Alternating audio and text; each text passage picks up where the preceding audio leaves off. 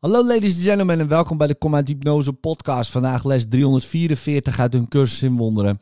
Vandaag leer ik de wet van de liefde. Wat ik mijn broeder geef is mijn gave aan mij. Dit is uw wet, vader, niet die van mij. Ik heb niet begrepen wat geven betekent en dacht te moeten bewaren wat ik voor mijzelf alleen verlangde. En toen ik naar de schat keek die ik meende te bezitten, vond ik een lege plek waar nooit iets was, of is, of zijn zal.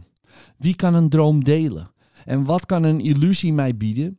Maar hij die ik vergeef zal mij geschenken geven die de waarde van alles op aarde te boven gaan. Laat mijn vergeven broeders mijn schatkamer vullen met hemelse rijkdommen, de enige die werkelijk zijn. Zo wordt de wet van de liefde vervuld. En zo staat uw zoon op en keert hij naar u terug. Hoe nabij zijn wij elkaar, nu we gaan naar God?